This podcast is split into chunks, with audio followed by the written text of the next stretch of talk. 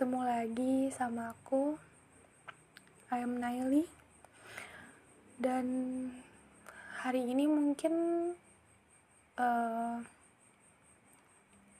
aku cuman pengen ngeluarin hal-hal yang kayak terus muter aja di otak aku gitu. Mungkin cuma nggak penting-penting banget juga. Cuma rasanya kalau nggak dikeluarin kayaknya makin lama makin sesak gitu kepala makin penuh rasanya hati pun rasanya kayak makin berat gitu nafasnya. Jadi mungkin hari ini sih bicara ngalor ngidul aja. Dan mungkin segmen ini bakalan jadi berlanjut ya. Sampai Maret. Sampai Maret. Karena ya karena itu bulan spesialku gitu dan aku jadi bertambah dewasa karena bulan itu oke okay. mungkin hari ini kita, aku sih mau ngomong tentang gimana rasanya jadi orang yang terus sendirian jujur dari awal dari aku sekolah SD SMP SMA bahkan kuliah di awal-awal kuliah. Dan mungkin dari awal-awal sekolah aku bukan tipe anak yang punya banyak banget temen. Bukan tipe orang yang uh, jadi pusat perhatian karena pinter atau karena cantik atau karena dia karena aku humble. Aku bukan tipe yang kayak gitu. Aku tipe pendiam yang ditanya baru jawab. Dan ya aku pun nggak pinter-pinter banget gitu. Jadi ya biasa aja gitu. Kayak seakan kayak orang yang kalau misalnya di apa ya di webtoon webtoon Love Revolution itu kayak si Kim Jung Bung tuh. Kayak Kim Jung Hoon yang cuma jadi latar belakang gitu. Jadi pemeran pendukung. Istilah istilahnya tuh kayak gitu aku udah jadi latar belakang selama aku sekolah mungkin ya. Jujur dari awal juga aku tipe orang yang susah untuk apa namanya tuh interaksi sama orang. Aku juga sulit buat memahami orang. Dan aku dulu juga waktu SD mungkin karena masih kecil juga kan tipe orang yang gak peka gitu sama sekitar. Dan aku butuh adaptasi yang sangat lama gitu buat aku bisa nyaman satu satu apa namanya satu lingkungan yang baru gitu buat aku. Waktu SD waktu SD sih aku juga sempat jadi korban pengucilan ya termasuknya mungkin karena ya nama juga bocah SD ya kan e, yang masih kekanakan gitu atau masih ada hal-hal yang mungkin kita nggak tahu gitu. Kita nggak pernah tahu ternyata itu tuh bisa bikin masalah gitu di hidup kita. Dan itu mungkin jadi satu hal yang buat aku jadi agak trauma gitu untuk temenan lagi sama orang. Dan karena aku ngerasa teman-teman di SD ku itu eh, nggak uh, tahu ya aku ngerasanya kayak pas aku udah udah gede ya aku baru nyadar kalau misalnya mereka tuh mungkin punya kecenderungan untuk um, melukai hati orang. Jadi aku juga nggak paham kenapa mereka punya pemikiran kayak gitu padahal masih kecil. Tapi ya pasti pasti pas gitu kan. Masa lalu ya udah masa lalu aja. Jadi kan semua pembelajaran. Tapi jujur itu bener-bener jadi hal yang agak sulit aku terima gitu. Bahkan sampai aku SMP aku juga tipe orang waktu SMP kan aku sekolah di lingkup yang jauh lebih besar dong tentunya daripada SD karena SD tuh cuma 45 orang cuman sekelas gitu. Jadi gak terlalu banyak hal yang terlalu gimana gimana cuman aku memang anak yang lumayan lah di, di, bidang, di bidang akademik aku lumayan menonjol tapi untuk di bidang kayak ekstrakurikuler atau gimana aku bener-bener nggak menonjol. Karena aku kayak ngerasa aku malas banget aku dan aku nggak suka banget uh, apa namanya kayak fisik yang pakai fisik gitu loh. Jadi kayak taekwondo atau apa pramuka aku tuh paling nggak suka gitu. Aku nggak tahu kenapa dan mungkin karena memang bukan passion aku aja di situ gitu kayak bukan. Aku kayaknya memang nggak pantas nggak cocok untuk di situ gitu. Aku udah mikir dari situ. Nah uh, semenjak SMP aku kenal banyak orang lebih banyak orang karena satu satu angkatan itu ada 9 kelas cuman karena kelas 7, 8, 9 itu kan di rolling rolling terus kan kelasnya. Jadi aku juga lumayan dapat punya temen yang lumayan gitu dibanding di SD gitu. Yang kelasnya cuma itu itu aja dan orangnya juga itu itu aja. Uh, waktu SMP aku waktu kelas 1 sih masih kayak susah banget untuk adaptasi. Aku nggak punya temen deket aku nggak punya temen curhat waktu itu dan aku juga agak sedikit minder karena aku ngerasa tuh aku tuh kayak nggak ada apa-apa ya tapi teman-temanku tuh pinter-pinter semua gitu. Dan aku sempet mikir kayak gitu terus uh, dari dari orang lain pun kayak mungkin nggak bisa ada yang ngerti aku waktu itu kan. Jadi aku mikirnya kayaknya aku berjuang sendirian gitu. Dan ya setelah itu juga nilaiku juga agak lumayan jelek waktu SMP nilaiku juga lumayan jelek kebetulan tapi aku udah mulai aktif di Rohis. Aku udah mentoring dari kelas 1 SMP uh, sama uh, siapa ya? Aku lupa dah. Ya Allah merobi aku sendiri aku lupa gitu. Teh teh Nur namanya teh Nur ya. Jadi udah rohis dari kelas 1 dan uh, sampai kelas 3 aku tetap rohis tetap mentoring tetap liko tapi um, temen rohisku tuh juga nggak ada yang terlalu dekat gitu sama aku. Cuman ya sedekat-dekatnya temenku ya aku bener-bener nggak bisa curhat juga sama mereka gitu. Aku cuma akhirnya setelah SD aku punya temen SD yang uh, satu SMP juga sama aku. Dan kebetulan aku malah jadi dekat sama dia gitu. Dan itu mulai dari situlah kita kayak ngerasa banyak kesamaan dan banyak hal-hal yang kita seharusnya kita bagi dan akhirnya dari situ aku juga udah mulai curhat ke dia. Kalau misalnya pulang sekolah pasti ada topik pembahasan yang seru untuk kita bahas gitu. Karena aku ngerasa aku dan dia namanya Angel padahal udah dari SD kita temenan dan waktu kelas 1 SD pun kita duduk sebangku. Tapi baru akrabnya tuh pas bener-bener kayak mungkin kita juga belajar untuk jadi dewasa gitu dan nggak marahan mulu gitu. Waktu SMP kita udah masih apa baru mulai kayak ngejalin hubungan uh, pertemanan yang yang baik gitu dibanding waktu kita waktu masih SD gitu. Aku baru deket lagi sama dia waktu aku SMP kita suka lagu barat kan. Dulu tuh pas uh, masa-masanya Adele lagi naik-naiknya Taylor Swift juga terus juga ada Justin Bieber juga lagi naik gitu kan. Terus ada The Weeknd terus ya pokoknya masa-masa 2015 2016 tuh kan lagi lagu-lagunya lagi enak-enak banget gitu. Sampai Rachel Platten pun bagus-bagus gitu lagunya. Dan itu kelas 2 pertama kali aku hafal lagu ya lagu bahasa Inggris karena disuruh ada tes gitu dari sekolah. Dan itu suruh nyanyi bahasa Inggris.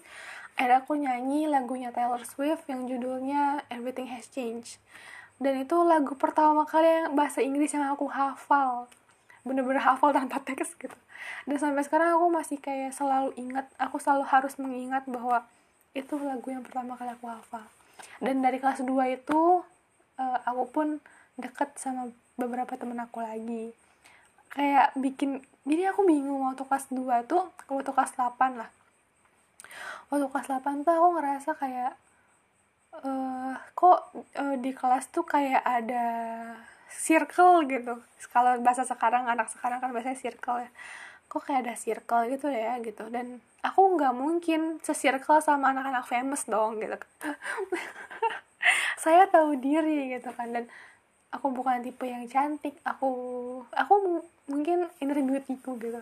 Ah, Allah menciptakan aku dengan sempurna aku udah yakin. Tapi banyak orang yang lebih cantik lagi daripada aku di luar sana. Dan ya aku udah tidak bisa masuk ke circle yang mereka tentu saja. Dan mereka famous anak-anak famous dan mereka juga tipe-tipe anak yang gimana ya uh, rankingnya masih 10 besar gitu gitu nah kebetulan aku itu ke circle temen-temen yang anak-anak agak nerd gitu. Mereka cum mereka masih waktu itu aku ngerasa aku masih polos banget ya kan. Anak-anak di circleku pun masih polos-polos juga gitu kan. Ya paling ada satu satu orang dua orang yang udah kayak nggak polos lagi gitu. Karena mereka udah punya pacar dan uh, ya maksudnya nggak polos di sini adalah mereka tuh nggak se sepolos kita yang kayak masih bocah SD gitu. Kayak ke sana tuh waktu kelas 8 tuh kayak masih bocah SD gitu loh. Yang tinggal sekolah terus juga abis itu pulang nggak main ke mana-mana. Ya udah kalau udah pulang ya pulang gitu. Kalau misalnya nggak uh, bandel lah istilahnya kayak gitu. Tapi main abis pulang sekolah juga kan nggak bandel ya sebenarnya. Tapi ya udah waktu dulu kan aku nganggapnya itu bandel ya perbuatan bandel. Jadi ya karena kebetulan aku juga tipe anak yang nurut banget sama orang tua gitu.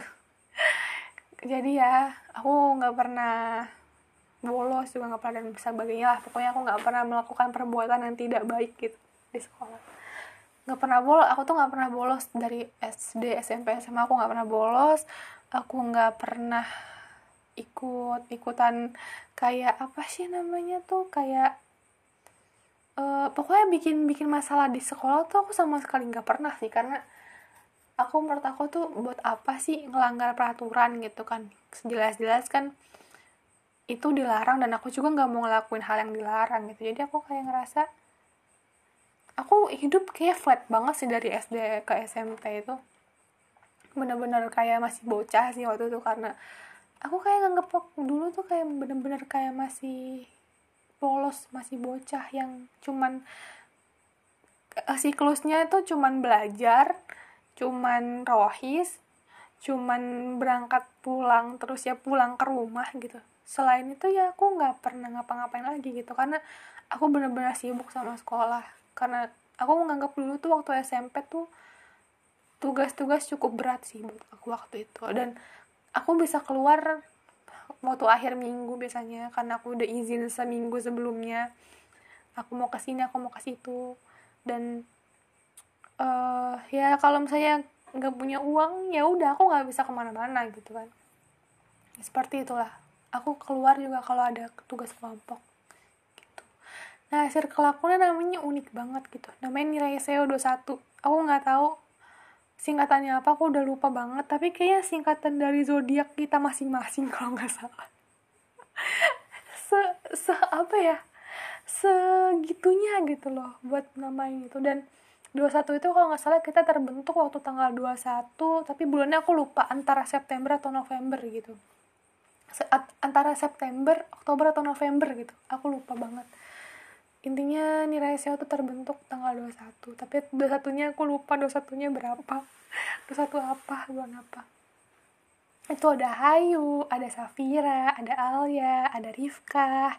Terus juga ada siapa lagi ya? Andini, terus juga ada Oh, ada ini. Siapa namanya ya Allah? Namanya Rizky Amel ada Amel terus ada Nindi ada Aul gitulah pokoknya tapi aku yang masih aku kontak sampai sekarang tuh cuman Safira, Alia, Hayu, Rifka. Dan Rifka itu bener-bener sampai sekarang masih dekat gitu kan. Bahkan selama pandemi dia di rumah doang aku nyamperin dia mulu gitu ke rumah karena duh nggak tahu deh suara apa. Karena waktu aku ke rum aku ke rumah dia gitu aku bisa curhat banyak karena rumahnya kosong orang tuanya ibunya kerja kakaknya juga kerja dan waktu bener-bener 2019 deh kayaknya kita baru masuk ke kuliah aku bener-bener kaget dapat kabar kalau ayahnya Rifka tuh meninggal gitu. Itu bener-bener sedikit aku juga sedih waktu itu karena kak ayahnya Rifka itu bener-bener baik sama aku dan orangnya lucu gitu. Tipikal Rifkah ya Rifkah gitu. Jadi kayak fotokopian ayahnya itu Rifkah gitu. Dari pokoknya baik banget beliau.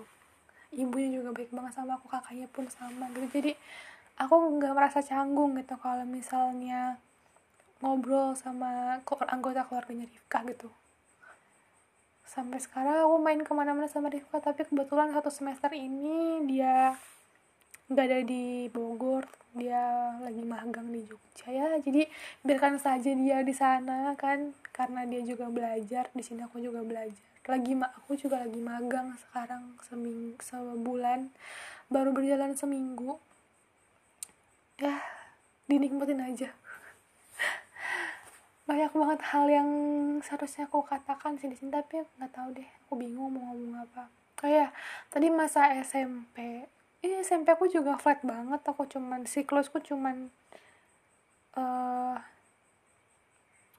berangkat belajar pulang. Kalau misalnya ada tugas kelompok kayak tugas kelompok dulu ke rumah Safira biasanya kita di sana atau ke rumah Rifka karena sekolahnya eh karena rumahnya paling dekat dari sekolah. Terus juga uh, pulang. Abis pulang biasanya kan kalau lebih kerja kelompok tuh pulang biasanya maghrib. Ya habis maghrib aku belajar lagi ngerjain tugas buat besok gitu. Itu siklus yang benar-benar cuman gitu doang. Jadi ya udah. Dan aku bener-bener karena aku flat banget ya kan uh, kerjaan gitu doang gitu kan. Jadi pas aku lulus aku bingung mau masuk mana. Jujur banget aku kayak nggak punya pilihan gitu aku punya pilihan cuman aku nggak mau gitu. Ada di salah satu pilihan itu dan akhirnya aku nggak masuk negeri tapi aku masuk ke pondok pesantren. Nah mau dari sini tuh kayak gejolak hidup tuh baru baru muncul gitu. Banyak hal yang kalau misalnya aku masih ya rasanya kalau misalnya ingat kayak pengen nangis terus gitu kan. Uh, aku sampai waktu itu uh, traumanya mungkin traumatiknya sampai sekarang ya. Aku jadi takut kalau salah ngomong sama orang. Aku takut banget kalau temen-temen tuh uh, apa ya memperlakukan aku buruk gitu. Dan karena dulu mungkin ya kita juga baru beranjak dewasa kita butuh hal yang jadi pelampiasan. Aku nggak nyalahin mereka juga aku pun salah itu mungkin. Karena banyak hal yang banyak perkataan mungkin yang nggak seharusnya aku katakan waktu itu. Dan teman-teman jadi kayak nggak suka sama aku sekelas gitu. Dan ya sejauh itu ya segitu. Aku bingung juga mau jelasinnya gimana. Dan setraumatik itu bahkan sampai aku kayak saya kayak doa ya waktu waktu.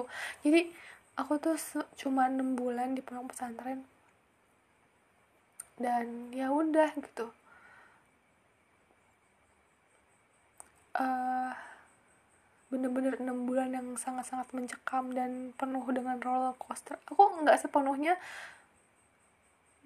uh, apa sedih gitu ingat pondok tapi aku juga senang gitu. Di satu sisi di satu sisi aku banyak banyak hal yang aku pelajarin di sana gitu. Tapi entah kenapa mungkin itu cuma 20% dan 80% nya tuh isinya cuma sedih, nangis, dan sakit gitu. Traumatiknya bahkan kebawa sampai aku pindah sekolah. Dan waktu pindah sekolah ketemu teman baru lagi susah lagi adaptasi dan guru-gurunya terus juga dari teman-temannya. Dan dari lingkungan faktor di rumah juga sih yang benar-benar kayak bikin aku ngerasa aku nggak punya siapa-siapa nih gitu. Sampai pernah kayak terlintas gitu di, di pikiran gitu apa kalau gue mati tuh semuanya bakal baik-baik aja ya gitu. Sempet mikir kayak gitu dan bahkan dulu sempet kayaknya berdoa gitu. Ya Allah kalau misalnya memang uh, ini Eh, berat. Ya Allah ini berat banget gitu. Buat saya saya sakit setiap mengingat tentang apa pun yang ada di pondok gitu.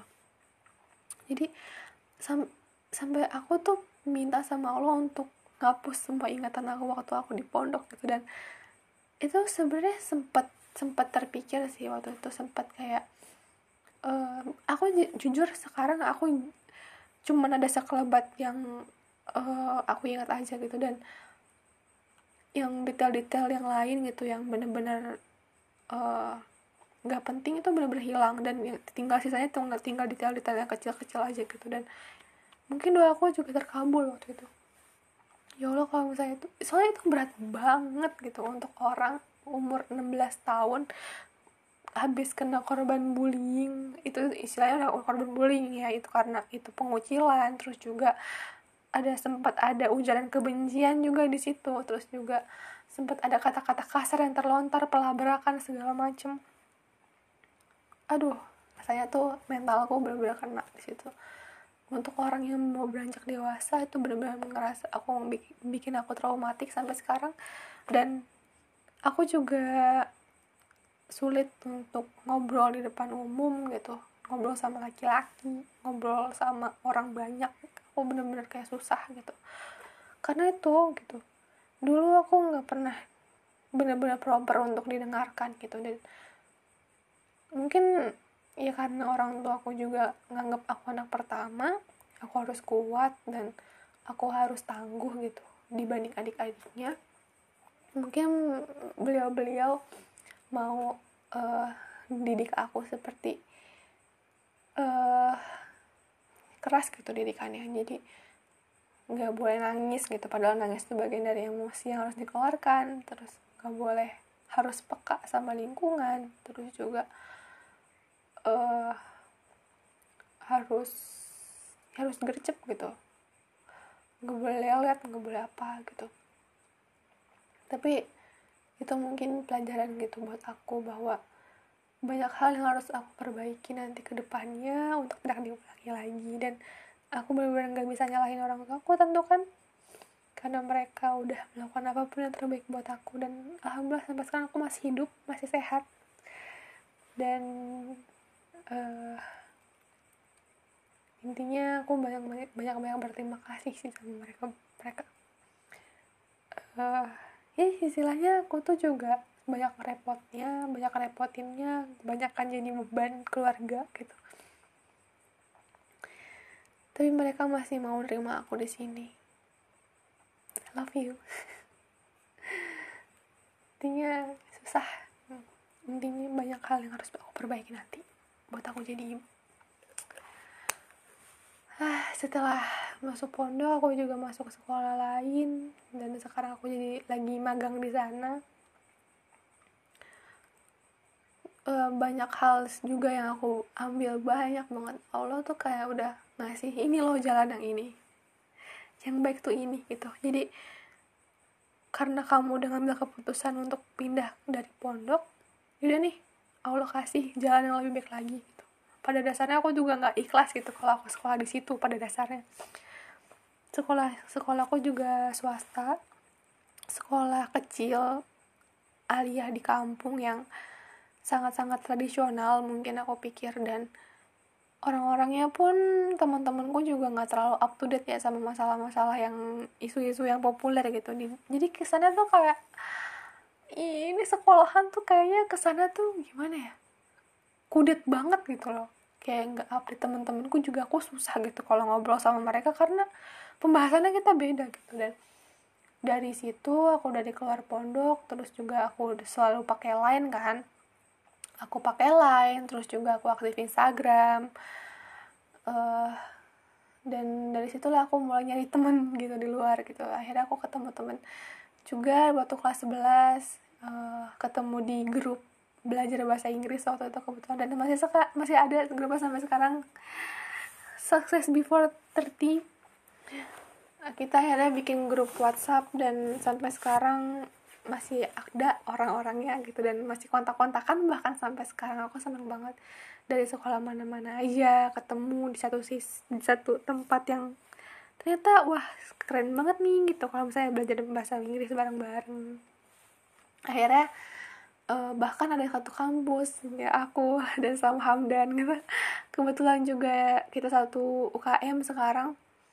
Dan sekarang jadi Mas Ul. Keren banget memang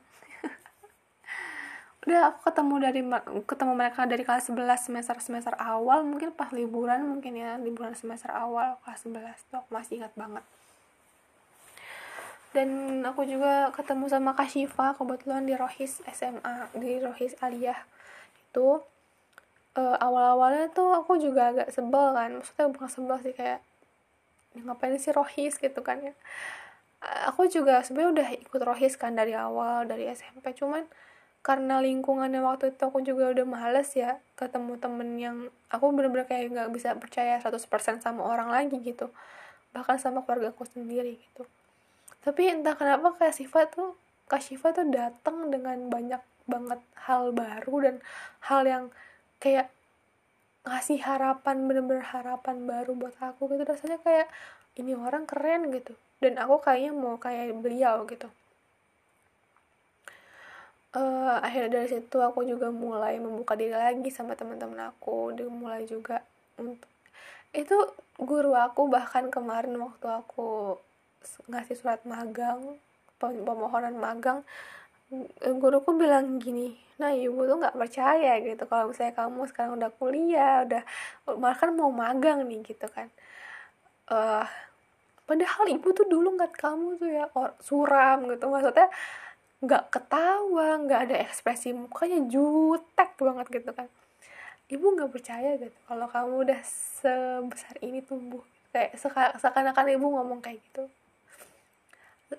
Jujur aku juga nggak percaya kalau aku tumbuh segini banyaknya gitu dan uh, emang banyak banget hal yang bikin aku berubah di Alia gitu dan mungkin sangat sangat keputusan yang tepat gitu. Benar-benar keputusan yang tepat kalau misalnya aku milih aliyah jadi sekolah buat aku pindah waktu itu. Uh, dari situlah aku juga mulai kenal sama Elis kebetulan dia juga anak pindahan. Yang uh, sebelumnya nggak suka kalau ada anak pindahan selain dia. Dia bilang sendiri soalnya.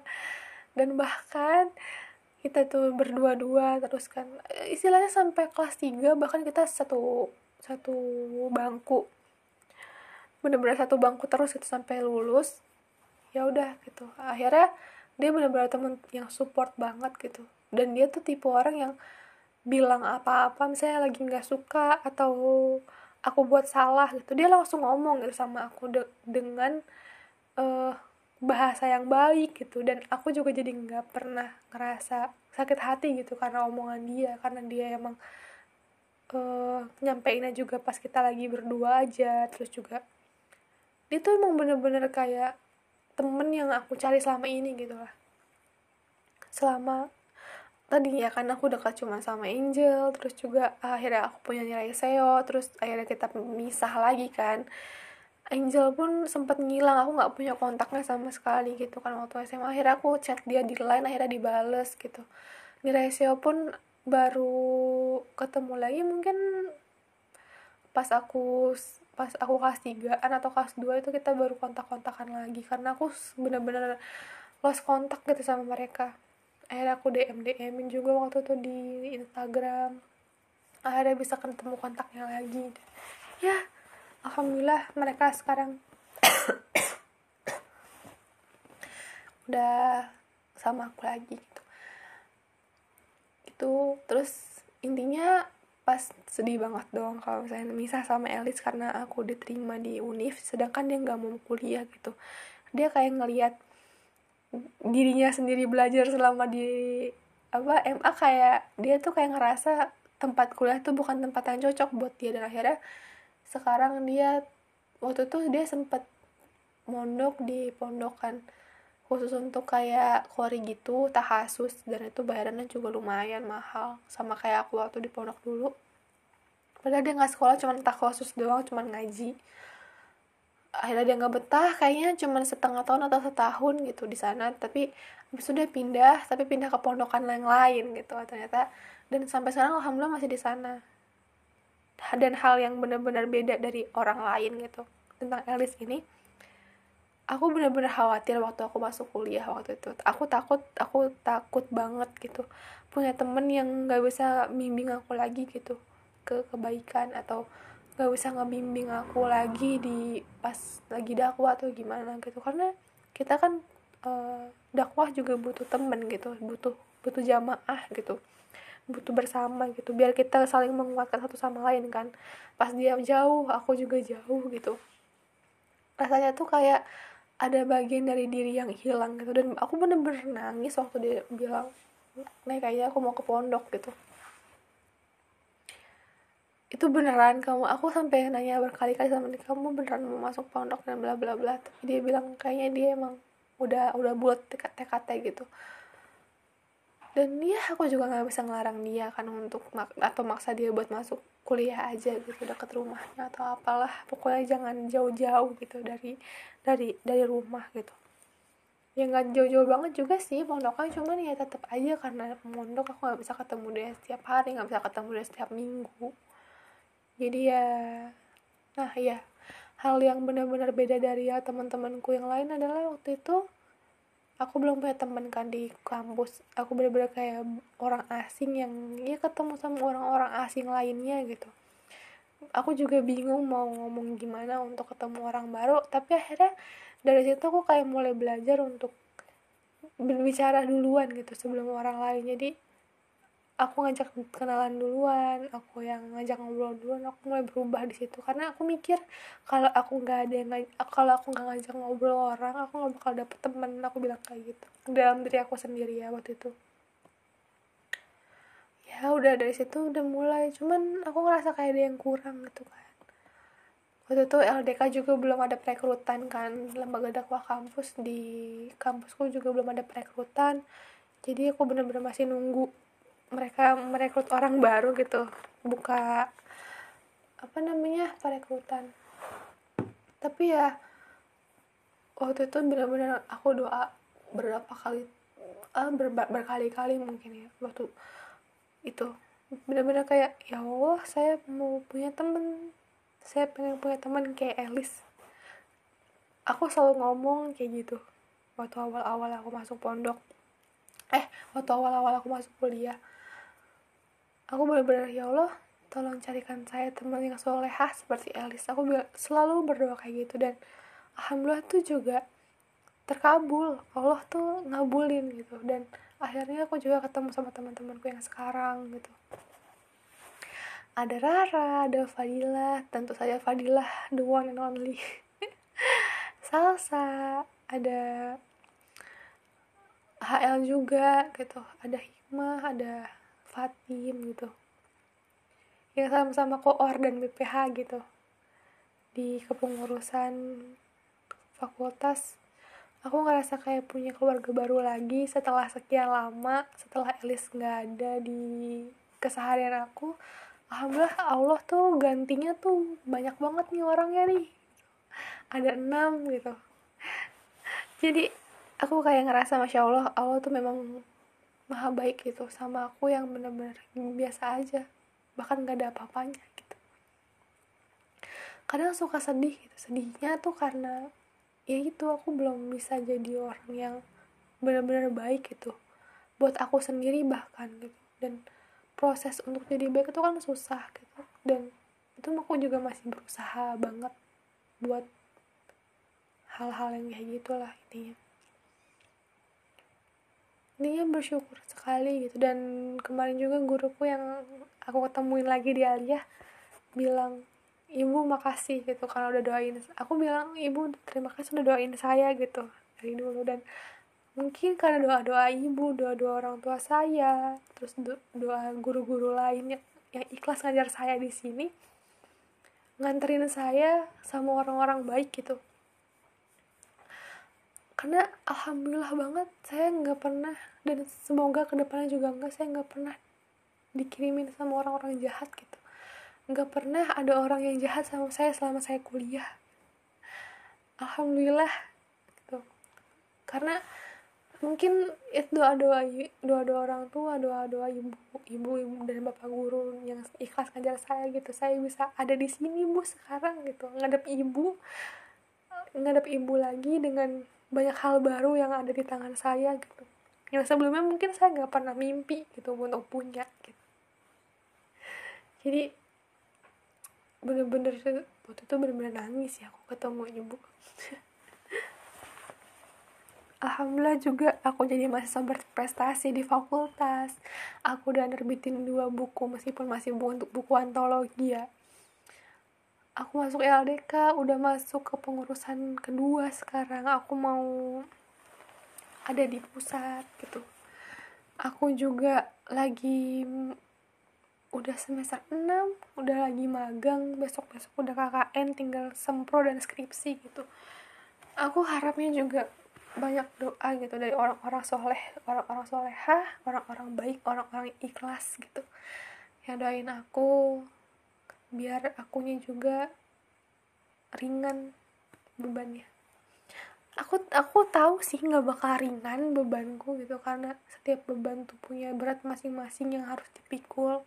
Kalau misalnya beban satunya udah selesai atau amanah sebelumnya udah selesai harus ada amanah-amanah lagi yang nyusul. Itu selalu seperti itu dan mungkin aku cuman ingin meminta untuk didoakan agar aku jadi orang yang sabar orang yang tegar orang yang kuat orang yang pundak dikuatkan itu sih untuk hmm, sejarah. Sejarah lisan yang mungkin aku bakal tinggalin ini untuk uh, generasi selanjutnya gitu. Hmm. semoga kalian juga bisa menjadi lebih baik daripada aku. Tentu harus lebih baik daripada aku. Dan uh, pesannya sih jadi orang baik jadi orang baik terus. Gak usah jadi orang pintar nggak apa-apa. Tapi jadi orang baik orang yang taat orang yang takwa. Karena dengan kayak gitu akan banyak banget kebaikan yang menghampiri kamu. Itu. Dan apa ya mungkin podcastnya hari ini sampai segitu dulu aja kali ya. Ini udah 30 menit 30 hampir 40 menit. Udah malam juga. Dan ya aku harus tidur. Tapi tadi aku tidur siang sih. Ini bagian pertama dari podcast aku yang aku buat semau aku mungkin aku sih pengennya setiap hari nanti aku bikin podcast tapi nanti aku bisa list dulu kira-kira apa aja yang mau aku omongin ke depannya. Soalnya banyak pembahasan yang seru sih jujur, jujur aja. Ini baru tentang sekolah tentang kuliah juga cuma seimprit. Ya gitu deh. Oh iya sekarang jam 22.20 tanggal 26 Januari 2022 sekarang tuh musimnya lagi kadang panas terus kadang hujan terus kadang-kadang hujan tapi panas terus kadang-kadang gerimis doang terus tiba-tiba kadang-kadang uh, apa namanya mendung banget tapi tiba-tiba panas gitu. Jadi bener-bener musimnya lagi kayak gini aku juga ngerasa nggak enak pada beberapa hari ini. Kayak rasa lesu letih lemas lunglai dan bla bla bla. Jadi ya tolong dijaga tubuhnya. Aset berharga. Harus kembali harus kembali dengan keadaan yang sehat tentunya Oke, mungkin segitu aja hari ini. Pembahasan yang masih belum bikin otak aku ngerasa enteng. Tapi semoga besok aku bisa ngomongin hal yang lebih berguna lagi. Karena inti dari apa yang tadi aku omongin eh inti dari hal yang mau aku omongin itu bukan ini gitu jadi ya mungkin besok. Ini mungkin untuk pembuka aja. Jadi ya mari kita tutup podcast ini. Dan terima kasih uh, untuk diri aku sendiri. Karena udah berjuang selama ini ya meskipun enggak meskipun enggak apa ya enggak mudah. Jujur enggak mudah jadi orang dewasa. Dan tumbuh jadi orang dewasa tuh enggak mudah jadi ya semoga kamu tetap kuat ya. Masih banyak hal yang belum kita cobain nanti ke depannya. Masih banyak mungkin masih banyak hal yang harus dijalani nanti ke depannya juga. Aku maunya kamu tetap kuat.